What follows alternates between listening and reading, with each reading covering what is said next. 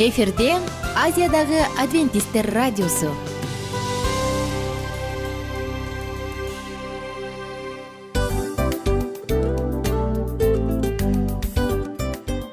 Достор салют. Баардык сүйүктүү угармандарыбызга салам айтабыз. Кутман күнүңүздөр менен. Ден соолук өмүрдүн булагы демекчи саламат саамы программасында баарыңыздарды көргөнүбүзгө абдан кубанычтабыз. Анда алгач амандашып өтөлү арбаңыздар деп. Ден соолугуңуздар кандай элибизде көбүнчө ден соолук кандай дегенде эле жакшы деп жооп беребиз э ооруп турсак дагы жакшы дейбиз. Анан мен муну айтып ойлойт элем бул абдан сонун сөз депчи анткени бул жакшы деген үмүт да э баары жакшы болот. Баары сонун. Деп үмүттөнүп атып эле өзүбүздү өзүбүз дарылап коебуз. Анысы кандай? Сиздин дагы ден соолугуңуз жакшы беш деген үмүттөбүз чындыгында ден соолук бул өмүрдүн булагы деп бекеринен айтылган эмес деп ойлойм. Кыргыз элинде анткени эгерде ден соолук жок болсо анда адамдын жашоосунда калган баардык керектүү маңыздуу нерселер өзүнүн баалуулугун жоготуп коет. Ошондуктан ден соолук бул эң керектүү нерсе. Ооба туура айтасың кесиптешим. Чынында ден соолугуң жок бир эки үч күн ооруп калсаң эле э кандай болуп калат? Жашоодо көз каранды болуп каласың көп нерсеге жетишпей каласың көп нерсени кыла албай каласың жада калса эшикке дүкөнгө да чыга албай каласың. Туптуура анан ден соолук болсо демек биз биздин бактыбыз тоодой деп койсок болот. Анда достор саламат саамы рубрикабызды баштайлы. Алдыда өзүңүзгө керектүү болгон сонун кеңештерди уга аласыздар. Мына ошондуктан биз менен бирге болуңуздар. Ал эми биз болсо милан жана айнура. Кеттик алга. Алга саламат саама ден соолуктун жарчысы. Саламат саама ден соолуктун ачкычы. Күн сайын сиз үчүн мыкты кеңештер сонун жаңылыктар кызыктуу фактылар биздин рубрикада.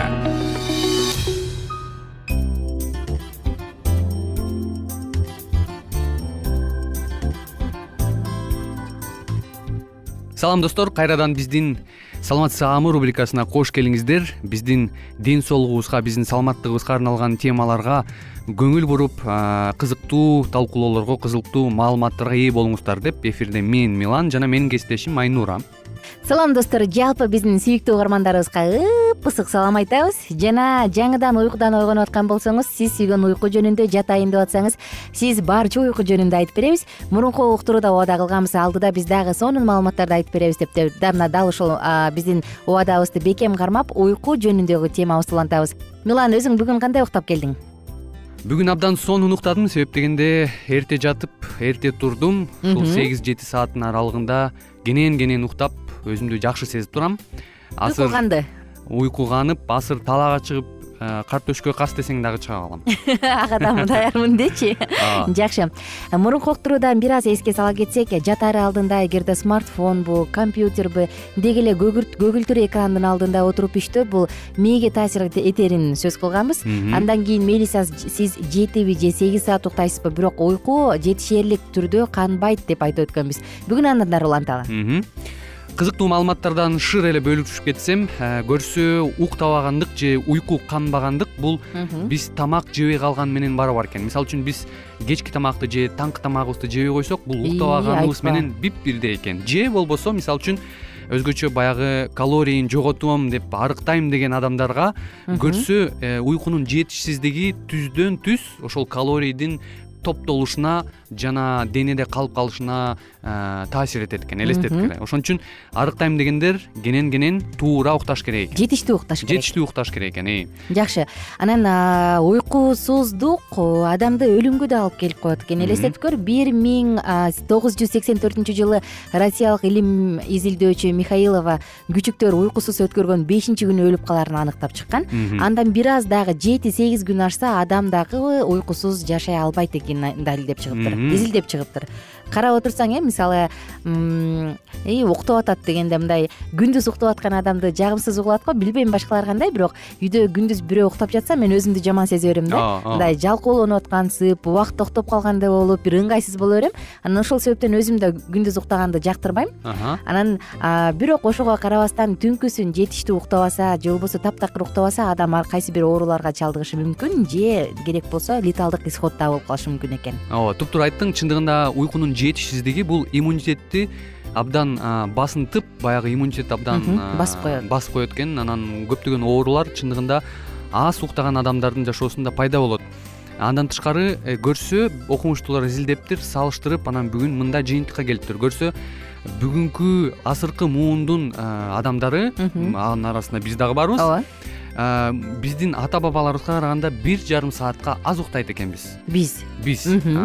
Бул деген прогресстин э, прогресс менен байланыштуу э, заманбап технологияларга байланыштуу жумуштун көбөйүшү менен. жумуш андан тышкары. Түйшүктүн көбөйүшү менен да байланыштуу болуп калышы мүмкүн. Ооба ошонун баардыгы тең биздин ден соолугубузга таасир этет экен кээде мындай болуп калат го эртең эми эс алуу күн да эртең шашпай турам онго чейин уктасам болот. Бүгүн он экиге чейин тасма көрөйүн анан эртең менен он он бирде шашпай турам деп туруп анан түнкүсүн он эки бирге чейин кино көрүп жатат эмеспизби? Ооба. Бул дагы канчалык бир деңгээлде туура эмес экен. Анткени саат тогуздан кийинки калган уйкуну сен кийин эртеси түшкө чейин уктасаң да анын ордун толуктай албайт экенсиң. Элестетип көр.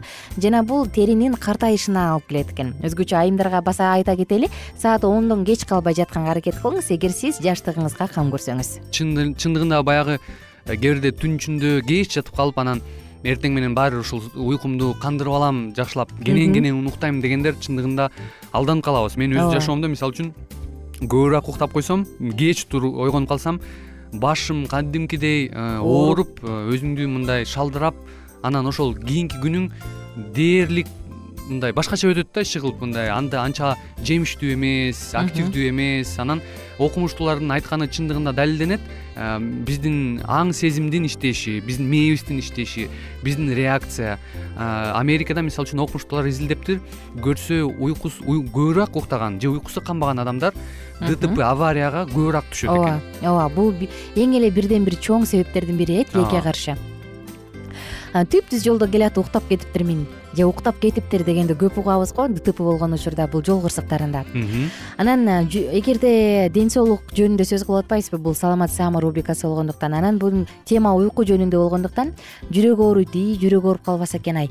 Ошо өтө эле сарсанаа болот же болбосо ушул сыяктуу сөздөрдү көп угабыз го. Ооба анысы кандай? Уйкусуздук жүрөк оорунун бирден бир себеби экен.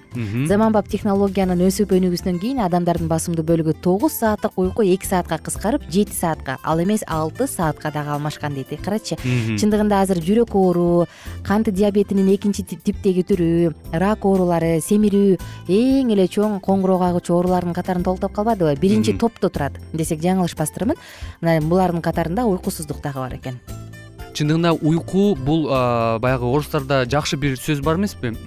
Утро вечере мудренее дейт ооба ооба. То есть эртең мененки күнүң кечкиге караганда жакшыраак жемиштүүрөөк болот дегендин мааниси бул чындыгында адам биз э, кээ бирде бир күнүн ичинде баардыгын тең тыгып баягы баарын иштерибизди бүтүрүп алалы дейбиз. Дагы анан уйку менен баягы уйкунун убагын алып коебуз да ошон үчүн биз туура баягы акылмандуу болуп уйкубузду туура убактыбызды туура сарптап анан уйкуга убакыт бөлүшүбүз керек экен. Студент кезде жаңы окуп анан иштей баштаганда жок мен бүгүн кечке чейин жумуштарымды бүтүрүп коем да эртең эс алам деп анан мен түнкү бир экиге чейин оокат кылып жүрө берчүмүн да фанерлерди жыйнап кийимдерди жыйнап майда чүйдөлөрдү жыйнапчы. Анан бирок эртеси жана жогоруда сен айткандай башың даңгырап маңгырап бир башкача болуп каласың го. Ал күнүң эмне болуп өткөнүн да билбейсиң. Же көчөгө чыга албай каласың анткени көзүңдүн алдың баары шишип калат же бир башка бир нормалдуу нормалдуу бир жумуш аткарбайсың. Анан анысы кандай баардык нерсенин өз убактысы бар экен. Мындан бир нече кылымдар мурун эле акылман сулайман пайгамбар айткан экен да баардык нерсенин өз убактысы бар депчи уктачу убакыт бар ойгончу убакыт бар жумуш иштечү убакыт бар деп айтор анысы кандай. Эгерде сизде азыр уктачу убакыт болсо анда биздин уктуруудан соң дароо уктаңыз. Ошол менен сиздер менен биз коштошобуз. Достор уйкуга жакшы көңүл буруп кенен кенен эс алып э, өзүңүздүн ден соолугуңузду жакшылап караңыз деп эфирде мен милан жана айнура менен биз сиздер менен коштошобуз. Кийинки уктуруудан амандашканча достор күнүңүздөр көңүлдүү улансын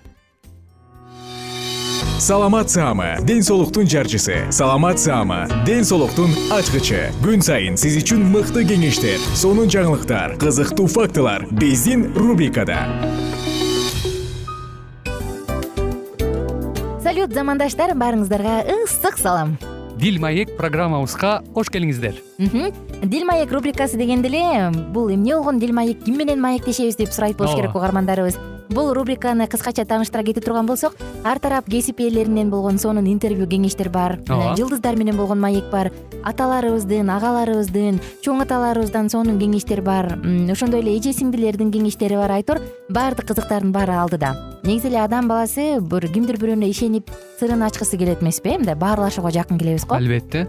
Негизи бир жерге отуруп алып кенен шашпай баягы жүрөктөн жүрөккө ачып сырларыбызды ар кандай көйгөйлөрүбүз менен бөлүшүп баягы чын жүрөктөн маек курганды кимибиз сүйбөйбүз э? Ооба десең ал нерсеге суусап да келебиз да. Ооба кээ бирде адамга чындыгында баягы э, ысык маек баягы жылуу маек жетишпейт да. Ошондуктан биз ушул рубриканы ойлоп тапканыбызда эң биринчи эле достор сиздер менен чын жүрөктөн бир маңыздуу темаларды козгоп кеткени э, кааладык. Ошондуктан ушундай сонун бир рубриканы тартуулап жатабыз. Анын үстүнө радио дагы сонун дос да анткени э, мындай учурда досуңа айтсаң досуң досуна айтат досу досуна айтат да анан бүт өлкө билип калышы мүмкүн го.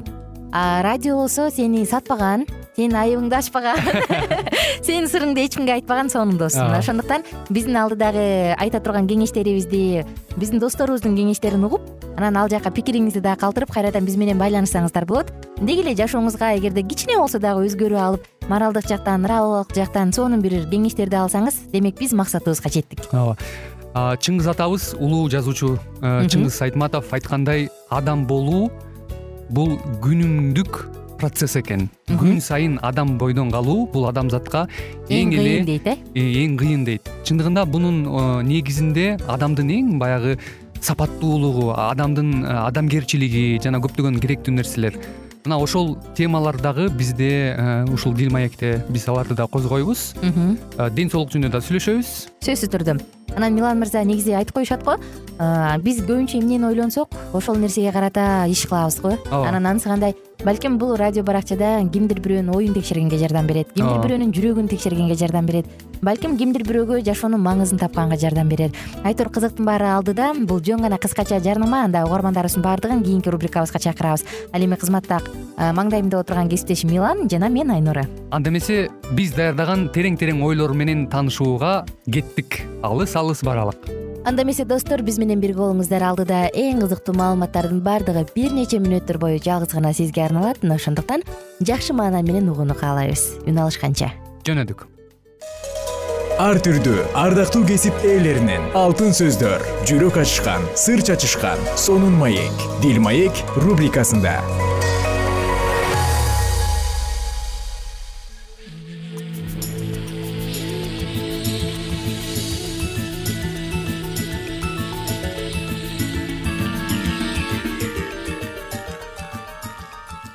саламатсыздарбы ардактуу радио каармандарыбыз эфирде кайрадан эле сиздердин назарыңыздарда бактылуу никенин баалуу эрежелери аттуу программабызда кездешип жатканыбызга өтө кубанычтабыз. Бүгүнкү программабыздын чыгарылышында биз сиздер менен коомдук жашоонун эрежелерин үйрөнүү аттуу теманын алкагында маегибизди улантмакчыбыз. Андыктан бул мүнөттөрдө биздин ободон алыстабай биз менен биргеликте калыңыздар. Кайрадан эле кызматыңыздарда микрофондо аты жөнүм мен улан кубанычбеков жана ошондой эле кесиптешим саламатсыңарбы жана мен асель мамбетова. Анда эмесе бүгүнкү программабыздын чыгарылышында биз сиздер менен коомдук жашоонун эрежелерин э, кантип үйрөнүү керек ушул туурасында бир нече кеңештерибиз менен бөлүшүп өтмөкчүбүз. Демек биз менен биргеликте калыңыз. Өз алдынча адам болуу коомдук эрежелерге баш ийүү аркылуу гана болот. Ата эне жана баладан түзүлгөн кичинекей үй бүлө коомдун негизги фундаменти болуп эсептелет. Бул жерде үч кишиден турган коомдук чөйрө ошондой эле коомдук эрежелер бар. Булар уруксат суроо. Балдарга өзүнө таандык болбогон буюмдарды ата энесинин буюмдары болсо дагы уруксаат сурагандан кийин алууну үйрөтүшүбүз керек. Сүйлөй албаган балдар колу менен көрсөтүп өз каалоосун түшүндүрө алышат. Сүйлөп баштаган балдар көбүнчө буйрук ыңгайды колдонушат. Муну бер тигини ал жана башкалар бирок орточо эки жарым жаштагы балдарга суранууну жана рахмат айтууну үйрөтүүгө болот. Ал үчүн биринчиден өзүбүз ушундай сөздөрдү колдонуп сүйлөшүбүз керек. Аны бер деген балага апаке берип коюңузчу десең берем деп сөзүн оңдоп бир нерсе сурагандан кийин рахмат айтсаң жакшы болот. Убакыттын өтүшү менен башкалардын буюмун да сый көрсөткөн жана сылык адам болот. Чындап эле жогорудагы айтылып кеткендей ардактуу угармандарыбыз үй бүлөлүк шартта дагы дал ушул бала тарбиялоодо. Деги эле ал келечекте коомго аралашып чоң инсандардын катарын ээлегенге чейин биз дагы үй бүлөлүк шартта демек балдарыбызга бүгүнкү учурда кандай тарбия берип жатабыз жана аларды туура сүйлөгөнгө э, бир нерсени мындай өзү билемдик менен эле кыла бербестен сөзсүз түрдө ошол нерселерди баягы суроосуз эле бирөөнүн буюмун суроосуз эле алып алгандыктын алдын алууда дагы мына ушундай көнүгүүлөрдү кичинекейинен тартып эле үй бүлөлүк шартта биз балдарыбызга көбүрөөк эскертип айтып эле баягы э, кулагына куя берген болсок анда сөзсүз түрдө биз келечекте жакшы инсандарды тарбиялап чыкканга биз э, ушул үй бүлөлүк шартта ата эне мындай чоң салымыбызды кошкон болот экенбиз. Андыктан бул нерселерди сөзсүз түрдө э, эске алып коюңуз абдан зарыл экен. Андан аркы сапарыбызды улай берсек ушул балдарыбызды дагы деги эле коомдук аралашууда дагы аларды бир нерсе менен бөлүшкөндү үйрөткөнүбүз дагы абдан жакшы болуп саналат экен. Демек бул туурасында дагы бир нече кеңештерге назар салыңыз. Бөлүшүүнү үйрөнүү эгер кичинекей балага сабырдуулук үйрөтүлбөгөн болсо анда баардык нерсе бир гана өзүнүкү болушун каалайт биз аларга каалаган нерсебизге дайыма эле ээ боло албай тургандыгын жакшылап үйрөтүшүбүз зарыл. Үйдө ар түрдүү оюндарды ойнотсок болот. Мисалы тууралган алма же мандарини бар тарелканы колуна берип катары менен атасына апасына таратуусун өтүнсөк болот. Үйгө келген конокторго кары жаш дебей бала тарткан сүрөттөрдү же болбосо оюнчуктарын көрсөтүп аларды кармап көрүүсү үчүн берип турууга шыктандыруу керек булардын баардыгы балага ар дайым буюмдарга ээ боло албастыгын жана башкалар менен бөлүшүүнүн кубантаарлык иш экенин түшүнүүсүнө жардам берет ошондой эле үй бүлөдө дагы бала тарбиялоо жаатында дагы э, эң негизги орчундуу дагы бир маселе бар экен. Бул кайсыл маселе деп турган болсоңуз анда деги эле баланы ушул дасторкон үстүндө э, анын э, отуруу адеби деги эле ушул дасторкондо өзүн адептүүлүккө тарбиялаганга дагы биз балдарды үйрөтө турган болсок бул дагы абдан жакшы ыкма болуп саналат экен. Андыктан дасторкон үстүндөгү адеби туурасында дагы бир нече кеңештер менен бөлүшүп кеткибиз келет ар бир үй бүлөнүн өзүнүн тамактануу убактысы жана тартиби бар. Кечки тамак үй бүлө мүчөлөрүнүн бир жерге топтогон маанилүү коомдук окуялардан болуп эсептелет. Тамактануу маданияты жалгыз курсак тойгузуу гана эмес балким башка нарк дөөлөттөрдү да өз ичине камтыйт. Бала бир жарым жашынан кийин чоң столго отура албаса да ата энеси менен бир столдо тамак жей алат чоңураак балдар эч болбогондо түз салынган идишти ташуу менен дасторкон салууга жардам бере алат. Ошондой эле жоопкерчилик алганы үчүн кубанышат. Эки жарым жаштагы балдар чоңдор менен бирге тамак жей ала турган деңгээлге жеткен. Эгер биз аларга муну сездире алсак убакыттын өтүшү менен дасторкон эрежелерин да үйрөнүп алышат ошондой эле дагы бир эң жакшы ыкмалардын бири болуп бул өзүнө таандык болгон балдардын оюнчуктары дейбизби деги эле буюмдарын э, жыйноого дагы биз балдарды э, үйрөтсөк болот экен. Бул дагы абдан жакшы ыкма болуп саналат экен. Андыктан бул нерселерди дагы эч убакта эсиңизден чыгарбаңыз. Ар бир баланын өзүнө таандык буюмдарынын болушу жана бала ошону баамдаш керек. Бир нерсеге ээ болуу анын жоопкерчилигин алуу дегенди түшүндүрөт бир жарым жаш айланасындагы балдар оюнчуктарын жыйнай алат. Чоңураак корзинанын ичине сала алат. Чоңураак балдар кийимдерин бүктөп биринин үстүнө бирин кое алат. Булардын баардыгын кичинекей кезде үйрөтүшсө келечекте да жыйым теримдүү болушуна жакшы фундамент түзүлгөн болот албетте мына ушундай нерселерди кылуу аркылуу дагы биз коомдо келечекте балдарыбызды туура нукка бурууда сөзсүз түрдө ар бир ата эне жапа тырмак кийлигишип аракет кыла турган болсок анда биз эң жакшы тарбиялуу инсандарды тарбиялаганга чоң салымыбызды кошо берет экенбиз. Андыктан бул нерселерди көңүл чордондо калтырбастан сөзсүз түрдө жашообузда колдонолу деген тилегибизди билдирип кеткибиз келет.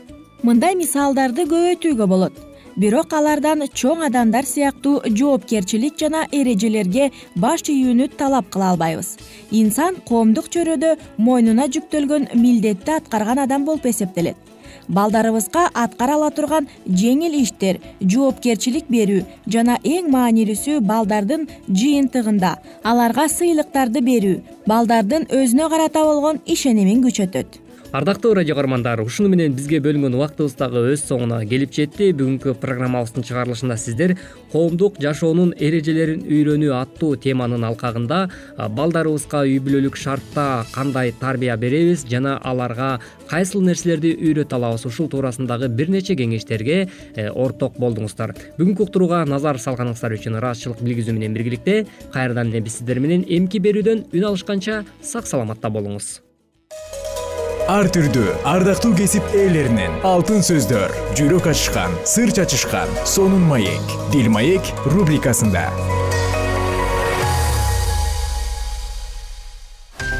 Жан дүйнөңдү байыткан жүрөгүңдү азыктанткан жашооңо маңыз тартуулаган жан азык рубрикасы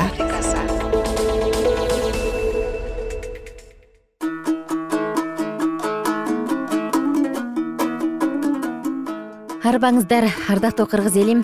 Ак карлуу көк муздуу ала тоону мекендеген жалпы кыргыз элибизге салам айтабыз дагы. Сиздер менен бирге жан азык уктуруусун баштадык. Жана бүгүн куткарылуу тарыхы деп аталган китепти андан ары улантабыз. Кызыктуу окуянын баардыгы алдыда. Адамдар ыйык жазуу аркылуу жалгандыкты айырмалашып жана ага каршы күрөш жүргүзө тургандыгын шайтан жакшы билген. Жада калса дүйнөнүн куткаруучусу машаяк дагы шайтандын азгырууларына кудайдын сөзү менен каршы турган.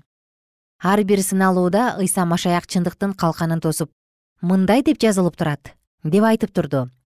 Душмандын ар бир одоно сунушуна ал даанышмандык жана кудай сөзүнүн күчү менен жооп берген. Адамдардын үстүнөн бийликке ээ болуп жана бийликти күч менен тартып алган папаны башчы кылып койду да адамдарды кудай сөзүнөн алыс кармоо керек экендигин шайтан билип калды ыйык жазуу кудайды жогору көтөрүп адамдардын чыныгы ээлеген ордун көргөзүп турат. Ошондуктан шайтан кудай сөзүнүн чындыктары адамдарга түшүнүксүз болуп көмүскөдө калысы үчүн өзүнүн болгон аракетин жасай берет. Мына ушундай тартип эрежелер римдик чиркөө аркылуу кабыл алынды. Көптөгөн кылымдар аралыгында жөнөкөй адамдар арасында ыйык мукадас китебин таратууга катуу тыюу салынган адамдар бул китепти окууга жана үйүндө кармоого укугу жок эле. Ал эми адилетсиз дин кызматчылар бул ыйык жазууларды туура эмес талкуулашып өздөрүнүн калп сөздөрүн элдерге үйрөтүшкөн. Мына ушундайча папа жер үстүндө кудайдын өкүлү катары кабыл алынып жыйындын дагы мамлекеттин дагы бийлигине ээ болду. Мезгилдерди жана мыйзамдарды өзгөртүү адашуунун жана калптын айыбын ачкан ыйык мукадасты адамдардан жашырып коюу менен шайтан өзүнүн ишин кеңири таратууга мүмкүнчүлүк алды. Пайгамбарлыкта папалык бийлик алардын майрамдары менен заң мыйзамдарын алып салууну тилек кылат деп айтылган. Даниил жетинчи бап жыйырма бешинчи аят. Римдик католик чиркөөсүнү бул ишти шашылыш аткарууга киришти. Бутпарастар менен машаякка ишенген адамдардын толук аралашып кетиши үчүн анын жасаган алгачкы аракеттери кудайга кызмат кылууда жасалма буттарды жана өлгөн ол уяларга табынууларды киргизүү болду. Акырында дүйнөлүк чогулуш бул табынуу эрежелерин кабыл алууну мыйзамдуу деп кабыл алышты.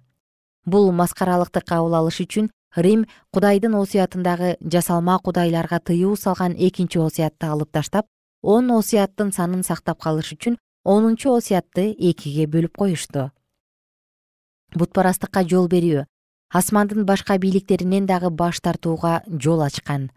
Шайтан жөн турбастан кудай аркылуу ыйыкталып жана баталанган ыйык ишенимби күн жөнүндөгү мыйзамды дагы бутпарастар табынган кадырлуу күн күнүнө аптанын биринчи күнүнө алмаштырууга аракет жасады.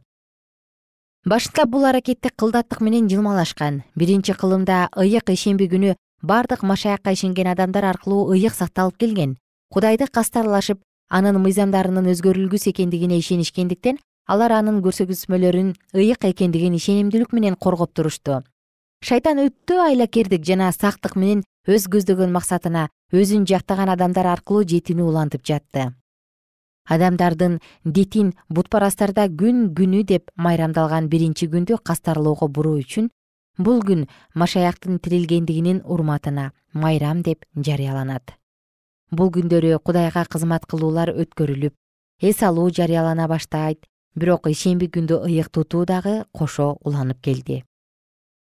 Император константин бутпарас болуп турса дагы жекшемби күнүн рим империясында майрам күнү болсун деп жарлык кылат. Ал машаяктын атын жаманган католик чиркөөсүнүн динин кабыл алгандан кийин дагы анын жаңы ишениминин кызыкчылыгы үчүн аптанын биринчи күнүн жекшембини таза сактоо улантылып жана анын бутпарастык буйругу бардык машаякка ишенген адамдарга зордук менен таңууланды. Бирок бул күнгө карата болгон кастарлоо ишемби күнүн теңирдин ыйык күнү деп эсептеген кудайга ишенимдүү адамдарга жолтоо боло турган жок. Ал үчүн дагы бир кадам кабыл алынды. Жалган ишембини чыныгы ишемби менен бир деңгээлге көтөрүү. Император константиндин чыгарган чечиминен бир нече жылдар өткөндөн кийин римдик епископ тарабынан аптанын биринчи күнү теңирдин күнү деп жарыяланды. Мына ушундайча адамдар аптанын биринчи күнү кандайдыр бир ыйык касиетке ээ деген ойдо боло башташат. Бирок кудайга чыныгы берилген адамдар кудайдын ыйык ишемби күнүн таза сактоону уланта беришкен. Улуу айлакер ушуну менен токтоп тим болгон жок. Ал дүйнө элдеринин бардыгын бир желектин алдында чогултууну каалап өзүн машаяктын жердеги өкүлүмүн деп жарыялаган өзүнүн өкүлү болгон папа аркылуу аракетин уланта берди. Жаңы жыйынга кошулган бутпарастар текебер прилаттар жана күнөөгө баткан диний адамдар аркылуу шайтан өз максатына жетет. Бир убакыттарда дүйнөлүк ар тараптан келген диний адамдардын чогулуштары собор өткөрүлүп турган. Бул чогулуштардын ар биринде кудай белгилеп койгон ишемби ыйыктыгы басырылып ал эми адамдар койгон жекшемби күн жогору көтөрүлө берди. Акыры бул бутпарастардын күнү кудай койгон сыяктуу жогору көтөрүлүп ал эми кудай ыйык жазууда белгилеп койгон ишемби күн жүйүттөрдүн эски үрп адаты сыяктуу куугунтукка алына баштады. Өзүн кудаймын же ыйыкмын деп эсептеп улуу баш тартуучу өзүн бардыгынын үстүнөн жогору сезип турду ал кудайдын тирүү экендигин бардык адамдарга далилдеп турган кудайдын мыйзамына өзгөртүү киргизүүгө батынды. Кудай төртүнчү осуятта өзүн асман менен жердин жаратуучусу катары ачып көргөзөт. Кудай өзү жаратуучулугу менен башка кудайлардан айырмаланып турган. Ишемби күн кудайдын жаратуу ишинин аякташынын эстелиги катары эсептелип жана жетинчи күн адамдар үчүн эс алууга ыйыкталгандыгын күбөлөндүрүп турат. Ал күн адамдарга тирүү кудай жөнүндө эскертип ал гана жаратылыштын булагы болуп биздин табынуубузга жана кастарлап туруубузга татыктуулугун билдирип турган. Адамдар теңирге болгон ишенимдүүлүктөрүн унутушуп анын мыйзамдарын сактабашын шайтан каалап турат. Ошондуктан ал кудайды жаратуучу кылып баяндаган ушул мыйзамдын бузулушуна өз күчүн жумшайт.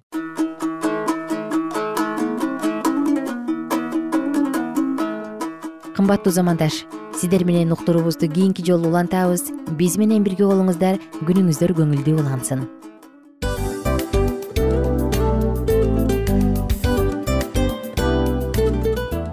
Ушул менен достор программабыздын уктуруубуздун эң кайгылуу мөөнөтүнө келип жеттик.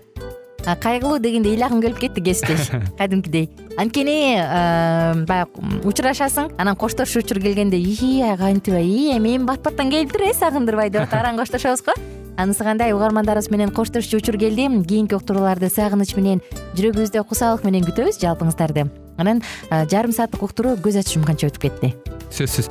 Бирок бизде жакшы кабар бар. Кийинки уктурууларыбызда сөзсүз дагы кезигишебиз. Анткени биз көптөгөн сюрприздерди кызыктуу маалыматтарды жана керектүү керектүү нерселердин көбүнчөсүн даярдадык анда угармандарыбыздын баардыгына ийгиликтүү күн каалайбыз эгерде бүгүнкү күнүңүз өзгөчө э, өтүшүн кааласаңыз анда позитивдүү ой жүгүртүп жылмайып жакындарыңызга жакшы маанай тартуулап жүрө бериңиз анткени сөзсүз түрдө мунун арты кайтат э?